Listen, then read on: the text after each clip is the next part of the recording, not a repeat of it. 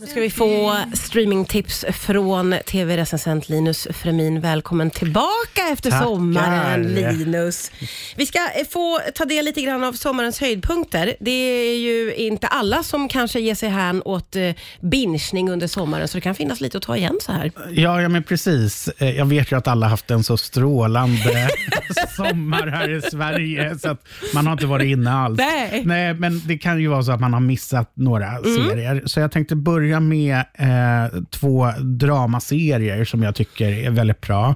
Den första heter Chorus Girls och är en eh, dansk serie. Okej. Som, eh, som namnet antyder, det handlar liksom om, det utspelar sig på eh, ja, 60-70-tal i Köpenhamn och tänk dig en sån här liksom lökig revy, liksom, en Ja. sån gammeldags, liksom, eh, med medelålders karar som tycker att de är roliga. Ja. Och så har de ju såklart lite lättklädda damer som dansar i bakgrunden. Mm. Och det är dem det handlar om här. Så att det Ah. här är liksom ett jättebra drama. Jag blev nästan förvånad, för jag tänkte så här, det här är ingenting för mig. Nej. Och danskt och det ska vara så här lite käckt. Och så här. Ja. Men det är liksom ett, ett drama som handlar om liksom, ja, men villkoren de här eh, kvinnorna är under. Det är liksom, ja, 70-tal, början av någon sorts feministisk våg, upplysning, samtidigt som att de liksom eh, är lättklädda på scen. Eh, och Det navigerar liksom så här partnervåld, eh, sexism och, och det är liksom väldigt, väldigt bra. Underhållande men ändå mörk, liksom, allvarlig botten. Som Vilken tycker- spännande take måste jag Ja, säga. men det är, och, och väldigt, väldigt välgjort och välspelat. Ja. Otroligt lätt att komma in i. Sen är den ju tung, för att det handlar om tunga ämnen, men inte liksom på det här att man känner att man håller på att få ångestattack. Nej, just det. För det får vara en balans i det där Lite när vi navigerar så. i det tunga. Ja. Ja, verkligen. Så den är jättebra. Ja. Och sen en annat drama som jag gillar väldigt mycket heter Black Snow. Okej. Eh, och det är en australisk serie, lite mer kriminaldrama och eh, har en lite spännande premiss för den handlar om ehm, att de öppnar upp en du vet, så här, tidskapsel. Mm. En som några ungdomar har gjort för 20 år sedan eh, när de gick i skolan. Och så Ja. ska de öppna det 20 år senare och liksom läsa vad de skrev att de trodde att framtiden skulle vara. Ja. Och där finns det då ledtrådar till ett mord som begicks 20 år tidigare. Nej. Och Det som är intressant är dels att det är ett intressant fall, men det, han, det utspelar sig i liksom norra delen av Australien. Och Det här hade inte jag koll på, men det, det tar avstamp i något som fanns på riktigt som heter blackbirding. Som handlar om att man, eh, ända in på 1900-talet så var, eh, fick man från de närmaste öarna där, eh, tog man in ja, eh, ursprungsbefolkningen som arbetskraft. Det var som modernt slaveri, Jaha. helt enkelt.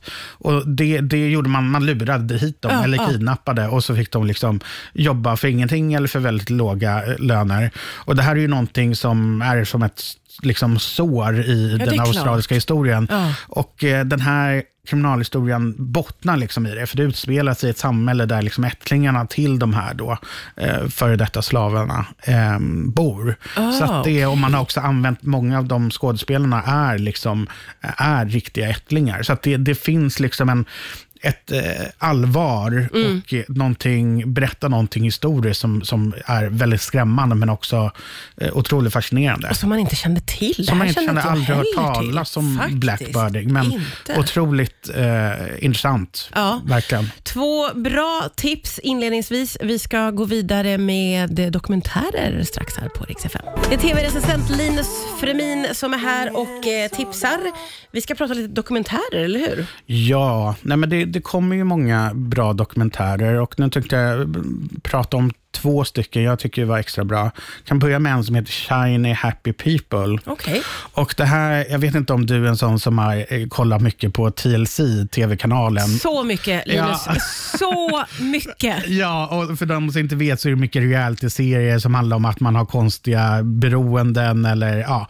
Men då fanns det en dokumentärserie som hette 19, 19 Kids and Counting. Ja. Alltså 19 barn och ja, fler. Och Det handlade om eh, familjen Duggar som jag tror när de började med serien hade typ 14 barn. Ja. Men sen så var de uppe i 19 eh, till slut. Och Det var en väldigt kristen familj. Men sen så eh, kom det en stor skandal. Att det visade sig att den äldsta sonen i familjen hade förgripit sig på några av sina systrar. Just det. Och Den här dokumentären skildrar allt det.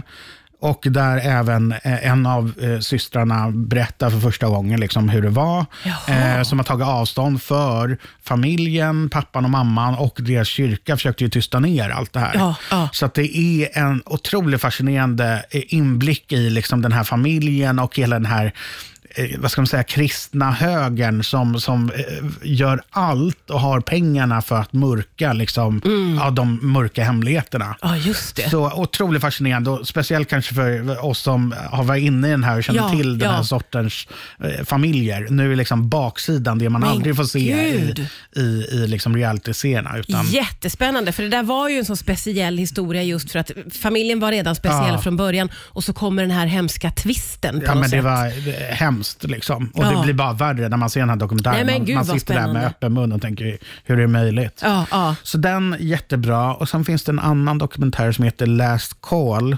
som eh, eh, handlar om en seriemördare som eh, gick efter eh, bögar i New York Okej. eh, under 80 och 90-talet. Ja. Och det här, det som gör den här dokumentärserien eh, speciell är att den går ju liksom, den ger eh, offren en röst. Ja. Det är liksom en skildring av den här tiden då, ja men du vet, polisen inte utredde ordentligt, det, det var liksom trakasserier, det var, det var en otroligt speciell tid. Och det är fint liksom att höra familjemedlemmarna till de här offren som oftast var liksom, eh, ja, men i garderoben fortfarande, Ja, ja. men som, och där man inte gjorde kopplingen, för det var flera som blev mördade. Man trodde inte att det var en seriemördare för att polisen inte riktigt gjorde sitt jobb. Så Ah, att det okej. är en, en, en drabbande skildring av en viss era Ja, ja. som liksom kryddas av det här liksom, ja, kriminalfallet. Liksom. Det låter Väldigt, spännande på eh, flera sätt faktiskt. Ja, och välgjord. Liksom. Mm. Så här riktig, som man går in och känner så här, ja, fan det där var, kräver skill att göra en sån här dokumentär och hålla ihop den. Alltså man älskar ju en riktigt bra dokumentär. Det är ju Ja. få saker som slår det faktiskt. Ja, för, och, och som också känns där man inte får ont i magen för Ja. att man känner att så här, oj, nu hänger ut någon här lite. För det kan man ju känna, speciellt när det är Oh, lite ja. true crime. Ja. Att bara, men gud, det där kan du ju inte. Det är ju offer vi pratar om, riktiga människor. Och i den här så tycker jag att de gör det med sån respekt. Ja. Liksom, att man, man känner att ja, men de fick lite upprättelse, de här offren på något sätt. fint. Ja, otroligt bra tips och vi har ett par tips kvar. De tar vi strax här på Rix. Det är favoriten Linus Fremin som är här, tv-recensent, delar med sig av sina bästa streamingtips, lite höjdpunkter från sommaren. Eh, Vi ska också, ska vi, vad, kollar vi framåt lite? Eller kolla lite på andra säsonger kanske? Ja, precis. Det har ju kommit andra säsonger av två serier som eh, tokhyllades när de kom förra året och som jag eh, älskar båda två. Och då är man ju alltid lite orolig när de kommer med en andra säsong. Kommer det bli bra? Ja. Man blir, vill ju ibland bara att de ska ha en säsong så man kan liksom vårda minnet av Ja, det där man gillade. Ja. Men det här är faktiskt två som har lyckats riktigt, riktigt bra. Och Den första är ju The Bear Ja, den är ju magisk. som, som handlar om Carmy som tar över ett vad ska man säga, sandwich shop Mm. i, i Chicago är väl, eh, när hans eh, bror har tagit liv av sig. Ja. Och den första säsongen var otroligt, eh, liksom, jag blev nästan överrumplad i början för att den, man är inne i det här köket och känner sig bara, får sån ångest av allt det är slammer och mycket allting. motgångar och det är tufft. Det är tufft, men samtidigt när man väl kommer in i den och så är den väldigt distinkt egen värld. Mm. Och i den andra säsongen så är det som att de bara öppnar upp den här världen och låter alla karaktärer som man liksom har börjat lärt känna och börjat gilla, Ja. att de får liksom blomma ut och får, det är så begåvat gjort. Ja. Och det är eh, vissa avsnitt som är liksom bland det bästa jag har sett Ja. på flera år. Jag håller med dig. Och det är med fantastiska gästspel också. Olivia. Colman, Jamie Lee Curtis som mamman som från helvetet tänkte jag säga, men typ. Ja, alltså he, hela men- det avsnittet när- med en, ett julfirande från förr, det är det mest intensiva jag har sett är, på och det länge. är så, så jäkla bra eh, Ja. skrivet och spelat. Och, nej. Så den är ju liksom, gå in i det. Nu finns det två jättebra Ja, det är magiskt. Har man inte sett det så har man något fantastiskt framför sig. Ja, så att den här känns som att den liksom lite arvtagaren till Succession, som den liksom nya besattheten som håller den där höga Ja, kvaliteten. liksom. verkligen. Helt rätt. Så att dels den, sen så måste vi prata om Heartstopper som kom förra året och det var ju liksom en ungdomsserie eh, om två, eh, Charlie och Nick som eh, går i high school och som blir kära i varandra. Och det var ju en fantastiskt fin inkluderande, varm, hoppfull serie. Speciellt liksom, eh, om man är queer eller hbtqi, att liksom kunna spegla sig i de här fina Ja. karaktärerna. Och där kände ju jag, som bölade mig genom första säsongen, tänkte så här, nej men gud, kommer jag klara av, kommer de kunna hålla uppe det här? Liksom? Ja. Och det är en jätte, jättefin andra säsong också, som Ja, fortsätter att roligt. utveckla de här jättefina karaktärerna.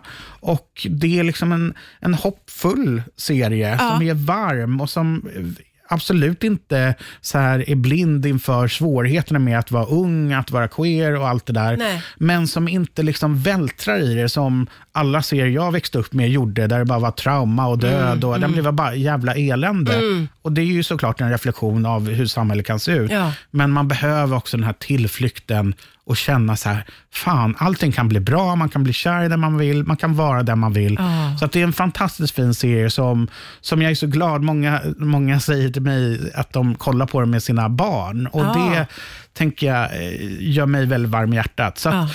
Jättefin serie som, som också, båda de här serierna ska jag ju säga, har ju, kommer ju komma med nya säsonger. Ja, Eh, det är ju... jag tror inte att det är officiellt med The Bear, men jag skulle bli väldigt, väldigt, väldigt förvånad om, Om det inte inte kommer. Nej, men ja. verkligen, verkligen.